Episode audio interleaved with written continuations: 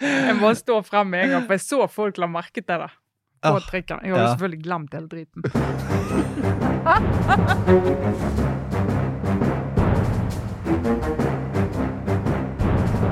Sånn, da er vi i gang med denne ukens eh, Aftenpodden. Eh, Vi er på plass i studio her. Eh, God dag, god dag. Sjefredaktør Trine Eilertsen. God dag, god dag. Av og til så må vi bare legge inn tittelen din for Ja, at du skal bare- komme inn i det med selvtillit og følelsen av Ja. veldig, veldig mye makt. Ja, takk. Jeg setter pris på det. Jeg trengte det i dag. Ja. og politisk redaktør Kjetil Astheim. God dag, god dag. CEO i Aftenpodden, Lars Glomnes. takk, takk, takk. Nå føler jeg vi får bygd oss opp til det som er en, eh, en ordentlig nyhetsuke. Sara Sørheim er av gårde i et eller annet eh, strategiseminar eller andre viktige ting i NTB, så hun er ikke med nå. Men det må jo sies å være en knalluke i norsk politikk og hva skal jeg si, viktige debatter og det som måtte skje. Så her er det bare å, å plukke eh, det beste og mest interessante av veldig, veldig mange saker. Ja, så du kan si det har vært en litt sånn normaluke i norsk politikk. Og så kan du jo si, det sier jo en del om norsk politikk når det da selvfølgelig handler om ledervalget i Venstre og Arbeiderpartiets metoo-diskusjoner. Ja.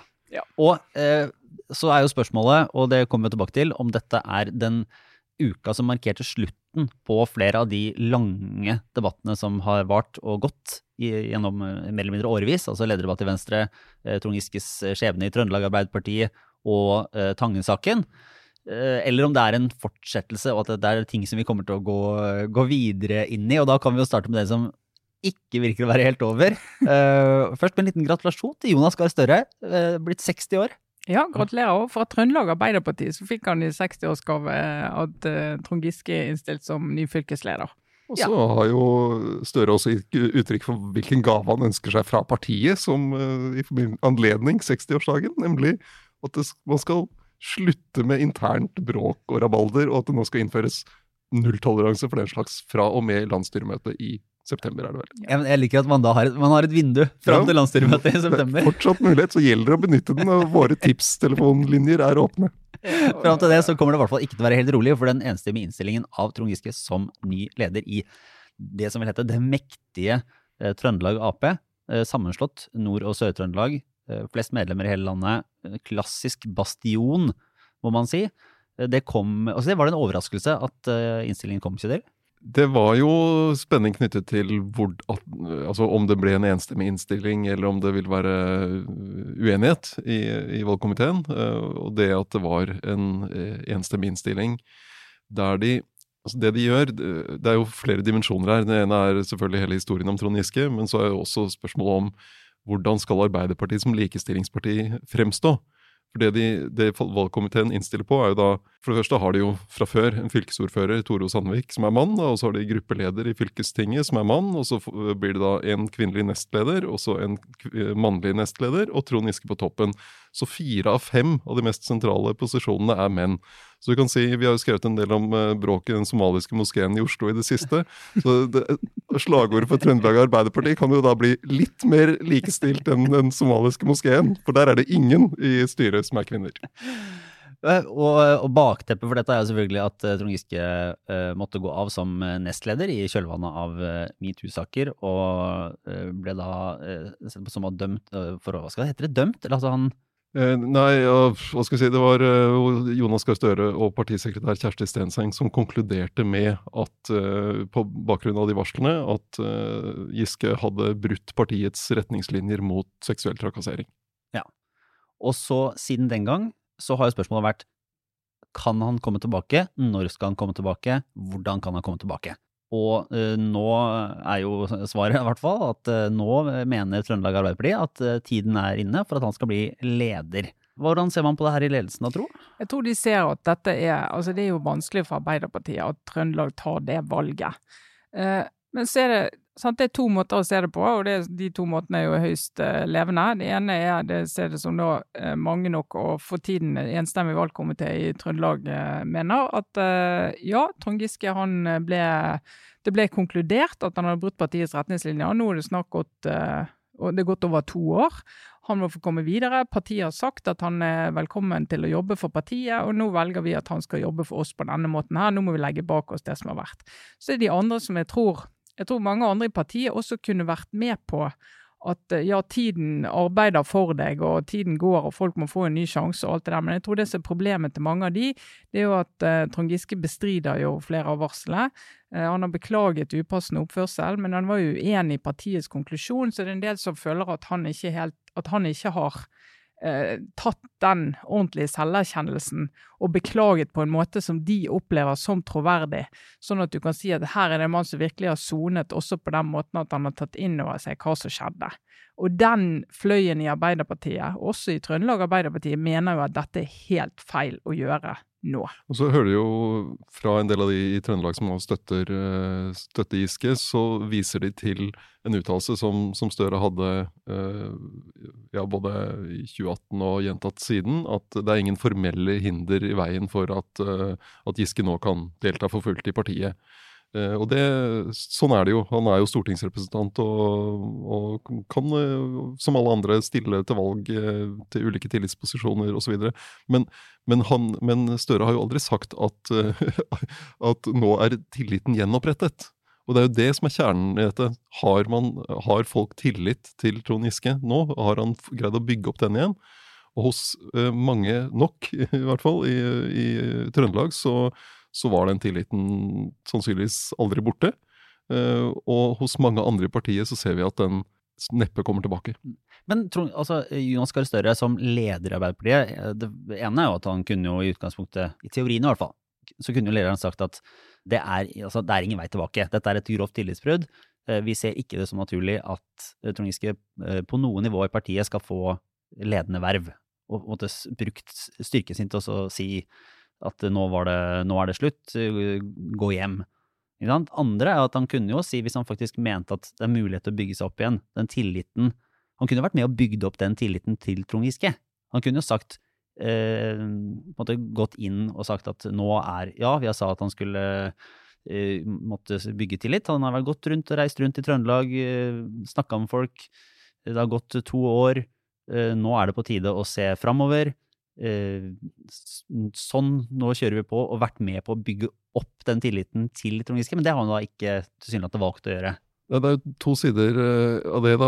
Det ene er jo om, om, han har tillit til Giske selv. Det er jo veldig lite som tyder på at de har et uh, nært og fortrolig forhold. Uh, og, og, det andre er har Støre autoriteten i partiet til å definere at nå nå er det greit, eller nå har Trond Giske gjort en solid innsats rundt i, i, i Trøndelag i forbindelse med lokalvalget.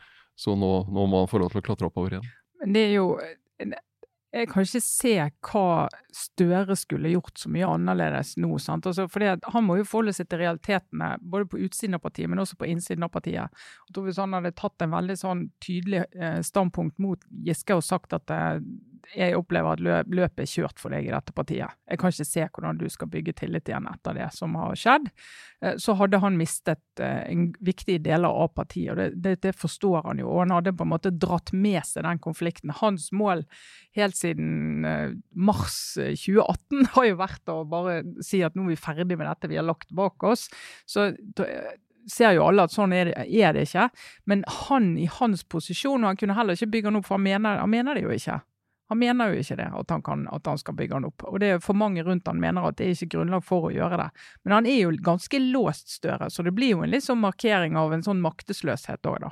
Når er, det, når er, det, man er så pragmatisk og kynisk at man sier at um, eh, altså, Trond Giske vinner denne? Han, han må få han, Vi må bare ta det med. Vi kan ikke det, det, det er mindre nedside på å holde den på armlengdes avstand enn å ta den inn i varmen og fortsette mot valget? Er det, er det, en for kynisk eh, tilnærming til politikken å tro at eh, man kan ende der? Tror, eh, er, alt tyder jo på at han kommer til å bli renominert av Sør-Trøndelag på topp på lista for Sør-Trøndelag Arbeiderparti. Og mye tyder jo på at han blir valgt som leder i Trøndelag Arbeiderparti på, på lørdag. Så de må jo leve med ham. Eh, resten av partiet må finne ut av hvordan de skal håndtere det at, eh, at han er der, og forholde seg til ham. Samtidig er det litt sånn uh, dette, det, dette, vil jo være et viktig steg tilbake for, for Giske, hvis han får den posisjonen. Samtidig så skal man ikke overdrive altfor mye hva det vil si å være fylkesleder heller. Uh, altså det er det er veldig mange som har vært fylkesledere i regjeringspartier som aldri er blitt statsråder. Og det, du, du skal Og som, kunne og som ingen vet hvem er. Så, altså, Hvor mange fylkesledere i Arbeiderpartiet husker vi navnet på sånn i farten? Men, men, det, det, det, det også gjør, det at han blir eh, sannsynligvis valgt inn i den rollen, og det skaper jo òg en utfordring for, for Trond Giske. fordi at nå har jo han eh, bestemt seg for å egentlig gjøre litt sånn som Jonas Gahr Støre, agere som om dette er tilbakelagt. Vi, vi, det er ikke en sak lenger, det finnes ikke i partiet, det er ingen konflikt vi kjører på. Eh, men så nå skrev jo Ellen Reitan, tidligere leder av eh, Trøndelag AUF, Trondheim, Trondheim AUF, unnskyld. eh, Og sentral, tidligere styr, sentralstyremedlem i AUF. sentralstyremedlem i AUF denne uken et innlegg i, i Trønderdebatt der hun sier at vi har en kultur i denne delen av Arbeiderpartiet som vi ikke er ferdig med, og som handler om at mektige menn egentlig vi advarer mot dem Det er veldig sterkt det hun sier. Vi advarer mot de før de unge jentene går inn på landsmøtet, og så ber vi de om å stemme på de etterpå. Eh, Fordi vi vil ha de i posisjoner. da. Og Det det beskriver egentlig en fryktelig fryktelig situasjon. Og hun hevder at dette har de ikke tatt et ordentlig oppgjør med. Eh, Og det kan du si, det er én stemme, én kvinne fra en del av partiet. Men hvis Trond Giske skal bli leder av Trøndelag Arbeiderpartiet og gjør sånn som han har gjort til nå, ikke forholder seg til det. Han svarer ikke på spørsmål, svarer ikke på henvendelser. Han er jo nødt til å overbevise folk når han skal holde sin takketale for valget, om at han skal jobbe mot denne kulturen og fortelle i, i konkret hva det innebærer, og for hvem. Hvis ikke så eh, blir jo han stående og se veldig merkelig ut, hvis ikke han forholder seg til det. Så i og med den posisjonen så tvinges jo han til å forholde seg til denne problemstillingen sterkere enn han har gjort hittil. Så blir jo spørsmålet hvordan, hvordan vil han håndtere det å få eh, et varsel fra en AUF-er i Trøndelag om en sånn situasjon som eh, Ellen Reintan eh, beskriver? Eh, Og vil noen varsle til Trond Giske om, om den slags? Det er, klart, det, det er jo Når han først påtar seg det vervet, så blir han nødt til å svare på den type spørsmål. Nettopp. Ja, for Reitan sitt innlegg var jo, det er jo sterkt å lese, og tegner jo et bilde av en ganske ja, råtten kultur. Og hun sier jo selv at hun eh, burde, ja, burde ha varsla, burde ha sagt fra eh, da hun, var, da hun var 17, da hun var 20, da hun var 23. Men hun sier fra nå, og tegner jo et, eh, et, eh, liksom et riss da, av hvordan dette er. Men jeg tror at det får noen faktiske konsekvenser? For alt, etter det vi vet, så har hun ikke kommet med et formelt varsel eller tatt dette inn i partiet på noe vis, eller konkretisert hva det er som har skjedd. Det, det henger jo liksom litt over som en diffus anklage bl.a. mot Trond Giske som ikke det er mulig å, å ta stilling til, fordi at det er såpass rundt, da. Hun var jo enda litt mer konkret i Politisk kvarter eh, nå på torsdag morgen, der hun eh, vel karakteriserte Giske som kjernen i problemet. Det er, var jo ganske, det er jo kraftig kost. Så, så jeg er spent på hva det utløser. Og så er spørsmålet hvordan kommer den motstanden mot Giske, som vi vet også finnes i Trøndelag, hvordan kommer den til uttrykk på årsmøtet? Blir det blanke stemmer? Det, kommer det et, eh, en motkandidat? Mm. Og så, viser jo altså reaksjoner, hvis du ser på altså kvinner i Arbeiderpartiet i sosiale medier i går og i dag, eh, så ser du jo at dette, dette er ikke en sak de er ferdig med. Og, og lederen for eh, kvinneutvalget, Anette Trettebergstuen, går ut og sier hun syns det er for tidlig eh, at han kommer tilbake i tillitsverv. Og det, gjør jo ikke hun hvis ikke hun vet at hun taler på vegne av en, en god, eh, god gjeng i det partiet. Så det er jo egentlig nok en illustrasjon på at dette har de ikke lagt bak seg. Så kan du tenke at sånn Støre sier at nå, nå, nå må vi samle troppene, nå må vi slutte, nå må vi samle oss frem mot valget. Eh, og han har jo helt rett i det. At de har jo ikke sjans til å få politikk på agendaen de frem mot eh, neste høst, hvis de skal fortsette å diskutere dette. Men det er jo, det er jo utrolig eh, talende for hvor situasjonen i partiet virker det som, at, at Jonas Støre kan komme ut og si et år før valget nå, altså, Det er litt sånn eh, George Bush, selvfølgelig. Si enten er du mot oss eller med oss. Eh, men, men å si at han vil ha samling og, slutt på konflikter og, og baksnakking, og konsentreres Nei, Og det blir i seg selv en kontroversiell uttalelse. Altså fordi det tolkes i ulike retninger ut fra hvor man står i partiet, fordi det er så mm. splitta. Da. Så noen har jo tolka det Kan godt si at det med vond vilje, men uh, at det er tolka mot de kvinnene som uh, på en måte protesterer mot at Trond Giske skal få denne uh, posisjonen. I Trøndelag så tolker man det som en kritikk av, av deler av seg selv, da, som, som løfter fram Trond Giske. Altså, det, det er stakkars jubilanten som, uh, som må sitte og, og, forholde seg med dette. Men er, altså, er, det han som kløner det til, eller er det et uh, parti som per nå er umulig å, å styre på en, en ordentlig konstruktiv måte. Ja, men det er jo litt sånn hvis du har et, et åpent væskende sår, så kan du liksom late som du ikke har det og ta et plaster på og gå videre, men det gjør vondt fremdeles, og du må liksom rense det, tømme det og, og gjøre det friskt før du kan gå videre. Og det er jo det som er litt av problemet med denne saken, at for mange i partiet opplever at de ikke har gjort det.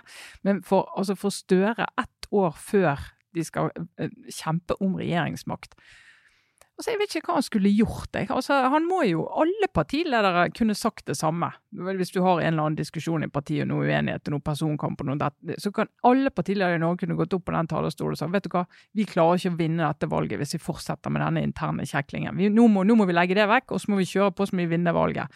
Og så kan jeg si, får vi heller ta det opp igjen etterpå. Men vi kan ikke gjøre det nå. Mm. Det er veldig det er mot hele eh, illusjonen, eller hva skal man si, merkevaren til Arbeiderpartiet, å ikke kunne være samla fram mot et stortingsvalg som de har veldig gode sjanser til å eh, på en måte vinne, da, enten de skulle gjøre det dårligere enn en, uh, man har gjort det ved tidligere valg, men, men i hvert fall vinne regjeringsmakt. Og at man da ikke klarer å få en ganske disiplinert, uh, alle går i takt-holdning Eh, nå. Det, det, bryter med hvert fall sånn som man har sett på Arbeiderpartiet tidligere, som en ganske kynisk politisk organisasjon som søker makt og vet at det ligger en gevinst der framme. Altså hvis du tar den derre eh, Arbeiderpartiet skryter på, på seg av den marshmallow-testen som viser om du har selvdisiplin. Hvis du kan velge med å få én marshmallow nå, eller så kan du få to om en dag.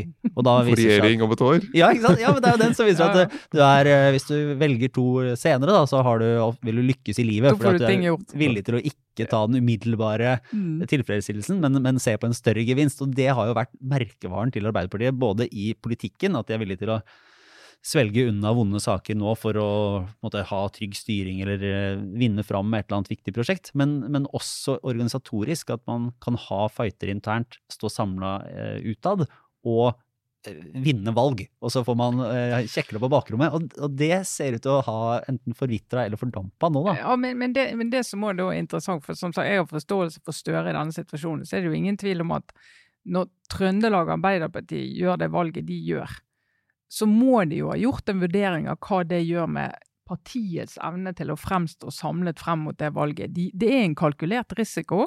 De sier vi gjør det valget, vi vet det blir kontroversielt, men vi håper at det ikke blir så mye styr.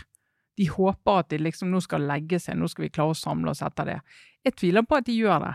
Jeg tviler på at de gjør det, for det stikker så dypt det der.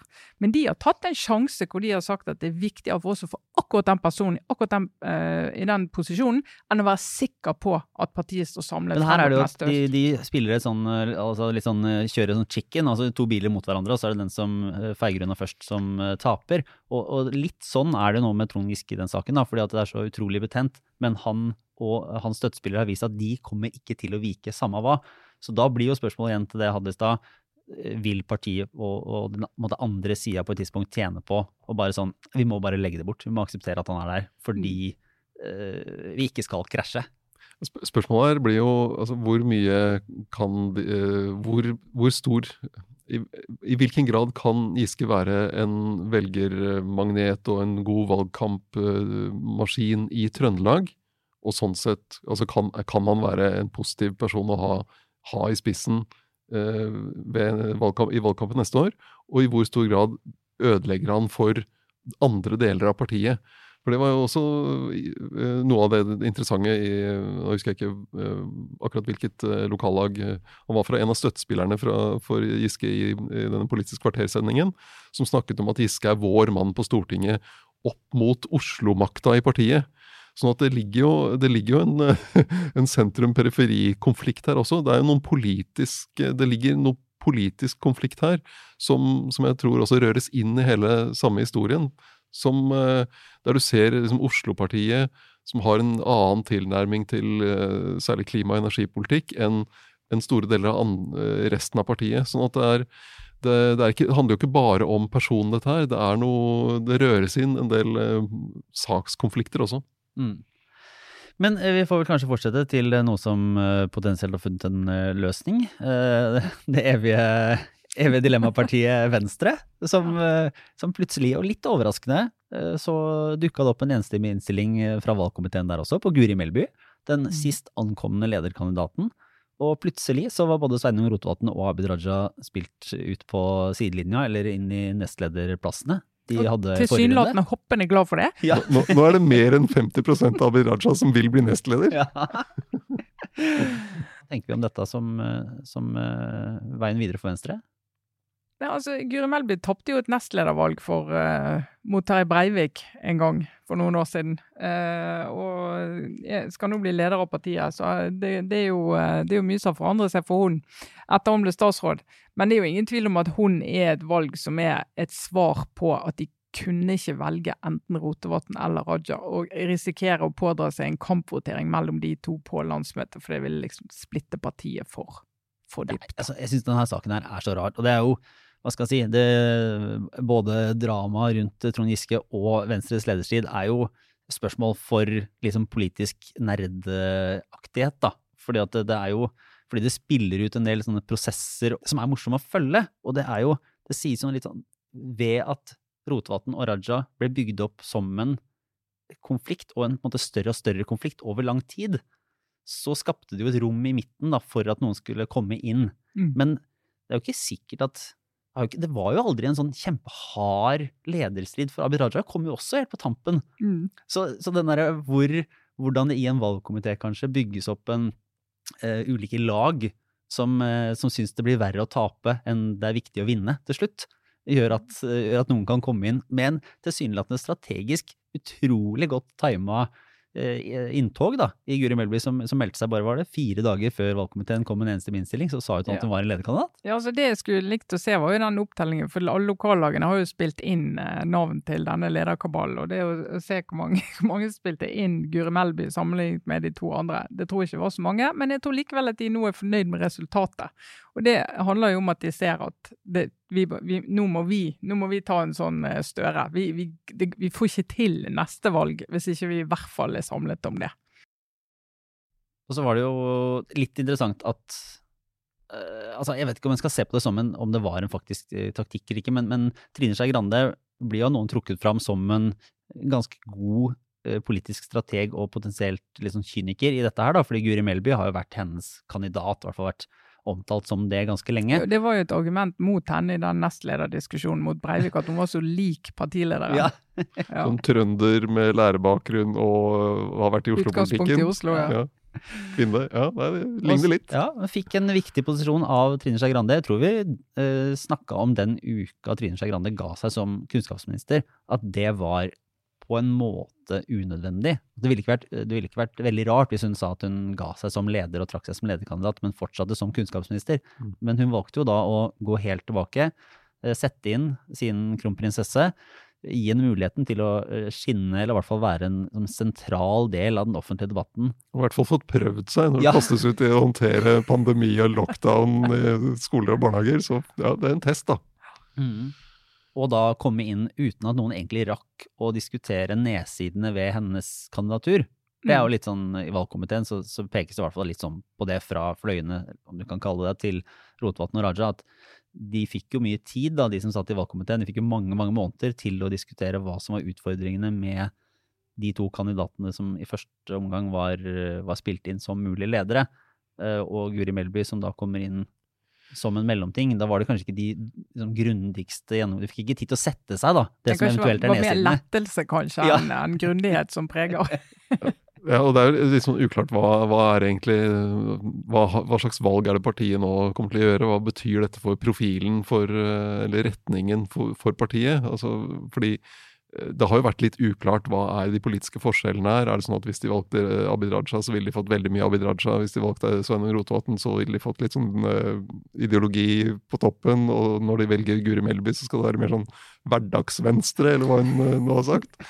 Så, men, men det er jo eh, En sånn lederstrid i et parti er jo moro for oss, og så tror jeg kanskje veldig mange av velgerne er litt sånn Uh, følger halvveis med. altså at Det viktigste for et parti er å bli ferdig med det, og så få valgt eh, jobbe med en og lage en eller annen tydelig profil frem mot neste valg. Og det er jo veldig kort tid for dem å, å etablere en leder i en sånn posisjon på Det blir jo et snaut år hun får.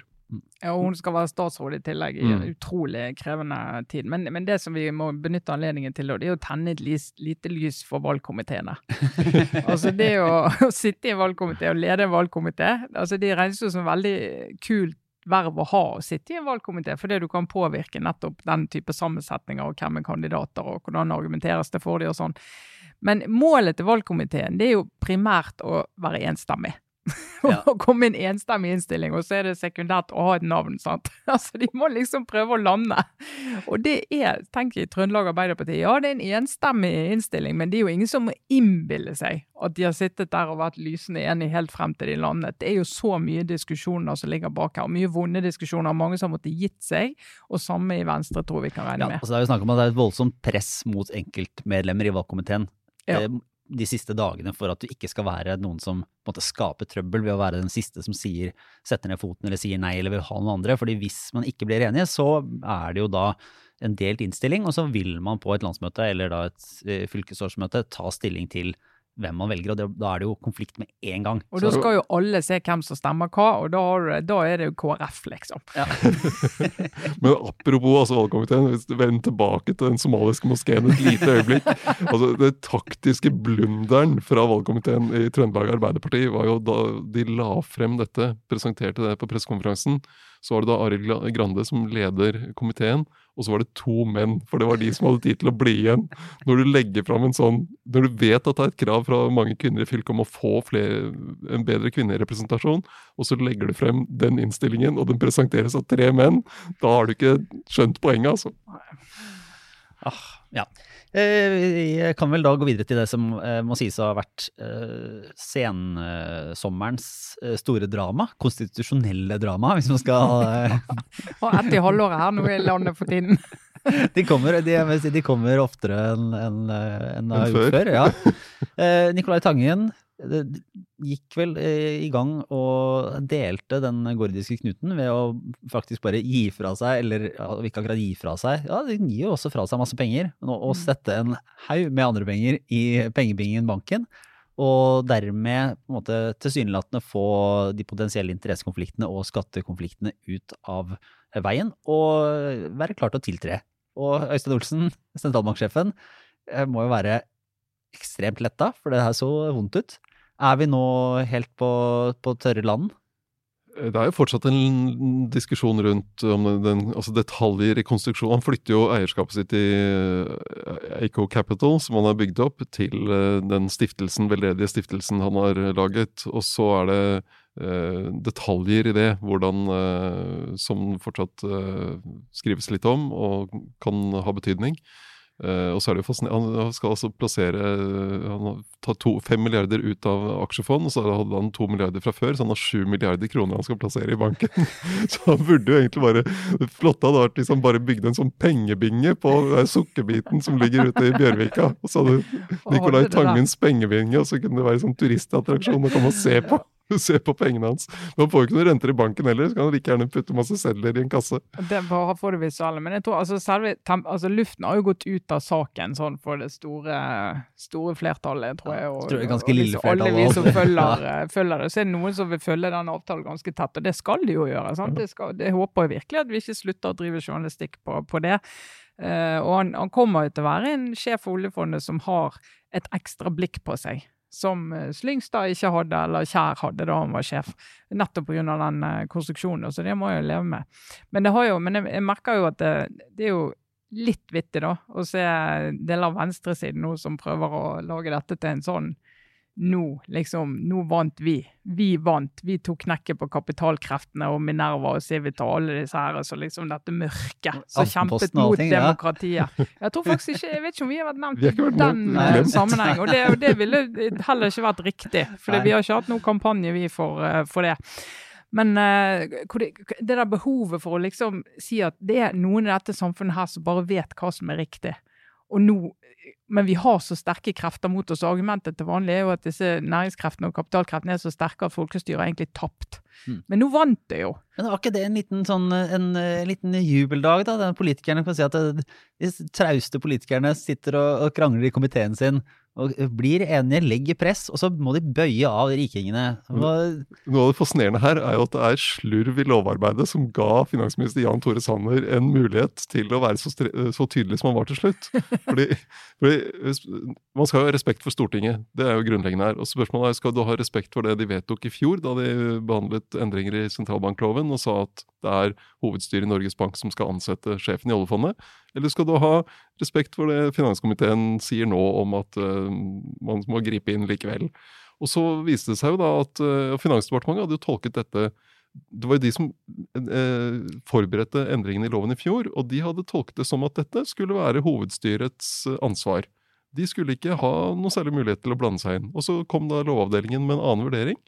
Fordi Finansdepartementet ikke hadde sørget for å få frem dette her i forarbeidene i loven da de, sendte, da de foreslo dette for Stortinget. Så det var rett og slett litt mangelfullt arbeid, lovarbeid, som gjorde at de fikk den muligheten. Og det er, det kan, det er sannsynligvis Det kan godt tenkes at de altså I fjor så tenkte de ikke gjennom at de kunne havne i en sånn situasjon eh, der det ville være et politisk behov for å gripe inn i den ansettelsen.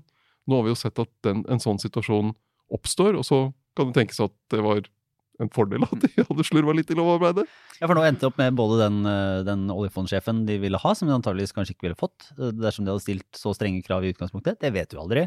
Eh, Men, og, og da faktisk kravene som, som oppfattes som mer ryddige, da. Mm. Men er det sånn nå at Jan Tore Sanner som finansminister eh, slipper han helt unna? Eh, sitter han med noe slags ansvar for at ikke den prosessen ble gjort tidligere? Det har vel eh, SV i hvert fall antyda, at, at han kunne, eller burde, sett dette med en gang.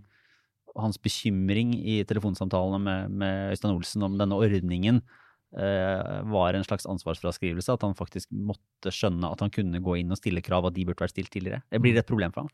Eh, du har jo hatt en runde om det nå, og så litt om hvorfor gikk han til Arntzen de Besch, dette private advokatfirmaet, først for å få en vurdering Det- av lovgrunnlaget, ja, og ikke til Lovavdelingen. Og så kom jo forklaringen til slutt da, av Klassekampen som fortalte om det. Det var fordi han ikke ville dytte helgearbeid på byråkratene i, i Justisdepartementets lovavdeling. Det var, Det, det, vi må snakke litt om Norge og fritid, altså. Det var jo, det var jo samme forklaringen eh, Ramon Johansen hadde når, når vi skulle snakke om det mangelfulle smitteberedskapen i Oslo når ferien var slutt. Det var jo at ja, men folk må jo ta ferie, og de må jo gå ut og hvile, og de må jo Så det blir jo litt sånn Det er jo litt sånn parodien på, på omsorg for arbeidstakerne her. Men, men sånn fra, fra spøk til alvor, så, så tror jeg jo Altså, Øystein Olsen eh, reddet jo skinnet sitt med et nødskrik. Eh, og han har jo eid denne prosessen. Og Stortinget bestemte jo i fjor at det, skal han gjøre. Og det har han gjort. Og det går jo an å spørre, og det mener jeg jo er helt riktig. Så noen mente at han tok for lite selvkritikk eh, på denne pressekonferansen, og han lettet kunne fortelle at, eh, at Tangen nå gjorde det Stortinget ønsket seg, og fikk den avtalen som de kunne leve med. Det går an å spørre seg når du har det ansvaret, om du har den altså, politiske fintfølelsen som du bør ha når du sitter der. sant? Men samtidig, Stortinget har jo liksom De har sagt du trenger ikke politisk til du skal bare gjøre dette. Ja, de blir rådet til å, til å tenke på en annen måte i innstillingen fra Gjedrem-utvalget, men det så de bort fra. De ville ha det sånn. Og så når de får det som de vil, så Nei, det for en suppe, altså. Eh, med det så har vi et lite Det er si det er et tynt, men eh, godt, men ubekreftet rykte, Kjetil. nei, det er bekreftet. Det ligger jo ute på stortinget.no. Ja, men det er, bare, det, det, trenger, det er ikke så mange som leser det, Kjetil. Nei, så ok jeg da. bruker det. Vår, vår, vår, eh, vår nå litt eh, for sjeldne post, eh, gode, men ubekreftede rykter, har jo alle til felles at de er helt sanne, så, så det skal det ikke være noe tvil om. Og nå er, nå er det Stortinget. Det er Stortingets høytidelige åpning i begynnelsen av oktober, og spørsmål, og da, er det jo, da pleier det å være det er stappfullt i stortingssalen. Alle stortingsrepresentantene, eh, familie og noen familie og venner som gjester for, eh, som er med stortingsrepresentantene, representanter for hele statsforvaltningen som toger inn, hele regjeringen, eh, og kongen, kronprinsen, dronningen og, og noen journalister i presselosjen. Så, så det kunne jo blitt et episenter av dimensjoner for parlamentarisk smittespredning. De måtte plassert en sånn eh, Det kunne jo da vært eh, godeste næringsministeren vår, øh, Iselin Nybø, som jo er veldig veldig glad i antibac, det har vi jo snakka om før. Mm. Men du må ha en sånn designated survivor. Etter den anledningen, som, som sitter i en sånn Du eh, kan ikke ha både kongen og kronprinsen, det går bare ikke an. Og hele Stortinget og regjering i et sånn koronasentrum, så da må Ja. Men man skal kanskje ikke ha den Man ordningen skal nå, ikke ha den ordningen nå. Så det blir, eh, de skal holde under 200 personer. Jeg tror det, jeg tror det er oppe i 700 når de stapper det fullt. eh, Men under 200, og med ekstra smitteverntiltak og sånn. Og jeg, jeg, det står jo, er ikke avklart der om kongen kommer eller om han sender kronprinsen, men det gjenstår jo å se, da. Mm. Så for de som er veldig opptatt av hvordan det skal gjennomføres Ja, det håper jeg alvor. Jeg håper kongen ikke drar. Jeg mener han er i risikogruppen. Jeg mener han skal holde seg hjemme. Så syns jeg kronprinsen skal ta det. Vi får se hvordan det blir. Uh, hvordan er det det ligger an med obligatorisk en anledning Ja. til å innføre republikk, selvfølgelig. Men det, Bare som en ettermiddag i Ja. oktober. Veldig bra. Nei, det jeg har lyst til å bare uh, fortelle om uh, i, I morgen jeg startet dagen i dag med å være en debatt Norsk redaktørforening arrangerte debatt om eh, koronadekningen. Eh, har norske medier gjort jobben sin, eh, var egentlig Var spørsmålet. konklusjonen ja? Ja, det mener norske medier at vi har. Eh, og det er jo ikke overraskende. Men det som, eh, det som var veldig Det kan jo si til alle journalister som jobbet med dette, at eh, Camilla Stoltenberg var der. Og hun, hun skrøt så veldig av norske medier. eh, og godt begrunnet òg. Altså, hun, hun skrøt liksom av hvordan disse journalistene hadde bygget kompetanse og stilt mer og mer relevante spørsmål og fulgte så veldig godt med. Og at hun mente at eh, deres arbeid ble jo gjort lettere av at vi bidrar til at kunnskapsnivået i befolkningen heves. da, så det er Tusen takk til Camilla Stoltenberg for det. Jeg gratulerer alle norske journalister. Og hvis noen mener at det blir mye sjølskryt, så sier jeg det byr vi på i dag. Eh, men det hun også sa, som jeg mener mange offentlige etater kan ta til seg, det var at hun hadde merket seg det som Aftenposten og kan jeg da si eh, en del andre medier eh, også gjør, det at vi merker ledere og kommentarer og meningsstoffet nå på en veldig tydelig måte. Hvor vi prøver å si at dette er en lederartikkel. Det er det som Aftenposten står for, skrive, produsert av kommentaravdelingen. Dette er en kommentar, det er skribenten som står for dette er en debattartikkel. Og prøver å liksom tydeliggjøre eh, avsenderen til de forskjellige typer de formatene. Eh, og så sa hun at det var hun blitt inspirert av i Folkehelseinstituttet, for hun mente at der må folk få lov til å ytre seg fritt om både smittevern og andre ting, de som jobber der. Det skal ikke være sånn at alt som sies fra en ansatt i Folkehelseinstituttet da blir tolket som Folkehelseinstituttets offisielle mening om en sak. Så sa vi må bli flinkere å lære av mediene på den merkingen av hvem som snakker, for da kan vi ha det sånn at dette er Folkehelseinstituttets lederartikkel. Dette det er- mener vi. Det er den det er sånn offisielle. Det er sånn nå bør gjøre et eller annet. eh, Ja. gjøre, leve på den Vaske måten. hendene. Ja, Nå. vaske hendene. Nå, Nå. gjør Det er, det er lederen. fagmiljøet vårt diskutert, og vi har landet her. Det er det vi mener. Og så har du en forsker som kan mene noe annet, kommentarartikkel, og så har du andre som ytrer seg, debatten, frie ordskiftet. Og det tenker jeg, Tenk hvis flere etater kunne hatt den holdningen der, at de kunne la de ansatte få lov å ytre seg mer og bruke fagkunnskapen sin og delta i debatter. og bare si, altså Dette er ikke på vegne av arbeidsplassen min og på vegne av bla, bla etat, dette er min mening. Hvor interessant det kunne blitt. For det er jo så mange som ikke får lov å si noe, fordi at de hele tiden blir sånn tatt inn, de, Man Ja, i ledelsen er så redd Mm. for at de skal tas til inntekt for den enkeltpersonens mening. da. Så der mener jeg lytt til Camilla Stoltenberg, og ikke bare fordi hun skryter av eh, mediene. Da kan, kan, da kan jeg fortsette med det som vil være øh, bekymringen, da. Antar jeg, i hvert fall den tradisjonelle bekymringen, at det blir uklarhet i hvilke råd som gis, da. Typisk fra Folkehelseinstituttet, eller at øh, den offentlige etaten at tross merking så vil noen si at ja, men jeg stoler mer på den forskeren som mener at vi skal gjøre det på den måten enn på det potensielt offentlige rådet, at det kan gå mot hverandre. Og da ender man i sånne situasjoner der noen prøver å være eh, pliktskyldige eh, følgere av råd, sånn som jeg var da jeg eh, var på trikken i morges, eh, ikledd eh, munnbind og satt der eh, så, så flittig som bare rakkeren, mens det dogga på brillene mine og i det hele tatt var smått ukomfortabelt, tenkte jeg nå tar jeg en eh, for dugnaden og for landet, fordi anbefalingen er at i rushtiden og når det er vanskelig å holde en meters avstand på offentlig transport, så du bruke, så bør du bruke munnbind. Det var det ikke alle som Nei, gjorde! det, det var det altså ikke alle som gjorde. Det, jeg, jeg skulle ta offentlig kommunikasjon i dag eh, for første gang siden før sommeren, og jeg, eh, det var helt nytt for meg i dag. For jeg pleier å sykle, men der jeg skulle i dag var det så vondt å sykle. Og så, idet jeg gikk ut døren hjemmefra, så roper min ni år gamle sønn 'Mamma, har du huska munnbind?' Nei, jeg har ikke munnbind. Så var det å lete etter det og finne Fant ikke noe munnbind. Tok med meg et lommetørkle. Og så tenkte jeg jeg må bare, jeg satser på at det ikke rusher. Jeg satser på at alle er på hjemmekontor. Eh, det var de ikke. Så jeg bare jeg står frem nå. Jeg gikk inn i den T-banevognen. Jeg, jeg brøt pålegget. Lommetørkleet ble liggende i lommen. Jeg prøvde å stå så langt unna de andre som jeg kunne. Estimerer at rundt 30% hadde munnbind i den vognen. Eh, jeg, jeg bare jeg skammer meg. Jeg, skammer. Jeg skal heller gå hjem i dag. Ja, ja men det, det, det, er- det på sin plass, og velfortjent skam. Fordi det jeg kjente på, som jeg måtte ta en liten eh, på en måte, runde med meg sjøl på, da, for jeg satt, ble også sinnssykt provosert av de som kom og satte seg innafor en meter av meg og ikke hadde munnbind, og jeg som så litt sånn med bitte lille øynene mine da, over eh, kanten av munnbindet. Så litt sånn halvstygt på de som, som ikke brydde seg om dette, var jo nettopp den egentlig, altså, Hvor sint bør jeg være? Fordi Det er jo sånn med samme de som klagde på joggerne. Altså, det er så lett å bli moralsk forarga når man selv klarer å etterleve en regel og ser Mm. at andre ikke gjør det. Eh, så det å finne sånn riktig nivå på den forargelsen Kan du, kan du ikke bare glede deg over den følelsen av at du er et bedre menneske enn alle de andre? Du er et bedre menneske enn meg Jo, i dag. Det er lettere hvis det ikke dogger på brillene, og du sitter og er varm og, og litt svett og, Ja, og sliter. Men uh, helt på, på Bare som en et liten anbefaling i tillegg, da. Så skal jeg anbefale en podkast med en episode som jeg hørte nylig, som heter Switched on Pop.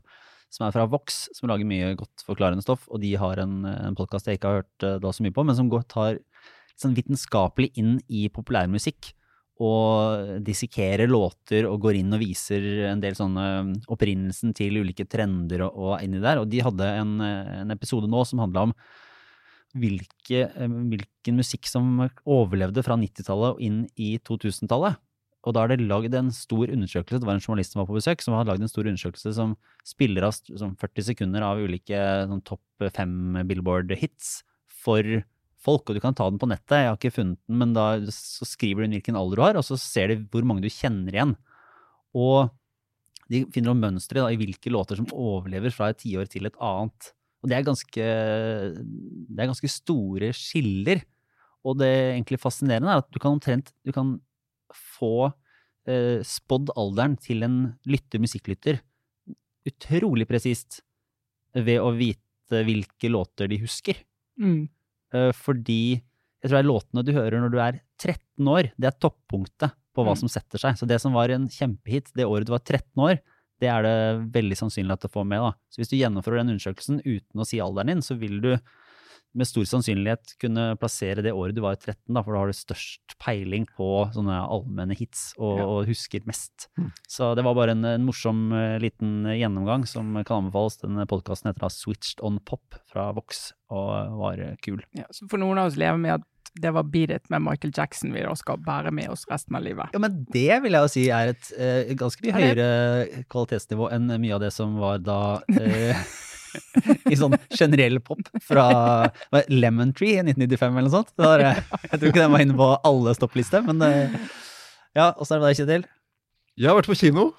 Se det. Nå igjen. Ja. Nå igjen, ja. Det er andre, andre gang siden vårt kulturelle alibi, ja. Ja, jeg har sett noe annet enn eh, Forrige gang var det jo Roy Andersson som, eh, som var, ja, var veldig fin, altså. Men jeg har vært på actionfilm. Eh, Det er premiere nå Det var førpremiere uh, i går, og premiere nå første store filmen, egentlig, så, tror jeg, som kommer etter lockdown. Uh, Christopher Nolans eh, Tenet. Med, altså Hvis man har savnet en svart James Bond, så skal man se den. altså for Det er John David Washington som spiller hovedpersonen. Han er, han er kul. Det er, men det er Den har jo fått litt sånn blandede kritikker, for det er, han har lagd et plott som er ganske innfløkt med litt sånn sci-fi-elementer. Der de, du har actionscener der folk er i ulike tidsdimensjoner, f.eks. Så dette er ikke, en, det er ikke en film du kan sitte i, liksom, sofaen og se på mens du scroller litt på telefonen, for da ramler du fullstendig av. Men, så, men det er utrolig kult. Og det er eh, eh, også da flere scener som er spilt inn i Oslo. Så de går da rundt på Operataket, og de er på Tjuvholmen, og det er eh, eh, svære ting som skjer på Gardermoen. Og du har tre norske replikker i løpet av filmen. Sånn, sånn norsk-norsk, eller? Det er, det er en som sier takk, Ja. og så er det en som sier nei, nei, nei, nei, og en som sier kom igjen. Så er, fordi fordi de, er, de er faktisk i Norge, det er ikke bare at de har brukt ja, det er ikke sånn Tom eh, Cruise tok og plassert den i eh, Nei, de er i. Oslo. Eh, Tom Cruise var jo på Preikestolen, ikke sant. Man flytta jo hele Preikestolen til jeg tror det India eller et eller annet sånt. Mm. Så, men nå er de faktisk i Oslo. Så er, Ja. på, altså, og hvis, man, hvis vi skal ha kinoer etter at dette pandemihelvetet er over, så må vi gå på kino. Ja, du altså. oppfordrer oss nå rett og slett til å gå på Gå kino. på kino og teater og konserter og sånn. Det er jo ja. Kulturlivet prøver å komme i gang, og da Hvis vi vil ha det, så må vi stille opp. Ja, vi må det. Vi må det. Enig. Ja, nei, men uh, fint. Eh, det vi har også Vi kunne snakka i 50 minutter om uh, Viken og om- E18, men Ja. det hadde vi ikke lyst til. Spesialepisoder. For det er så komplisert at det er, det er ikke mulig å få, få med seg helt hvordan det henger sammen. Men jeg tror vi har fått dekket det viktigste og mest interessante fra denne uka. Så ser vi om det skjer noe neste uke. Ja. ja, ja.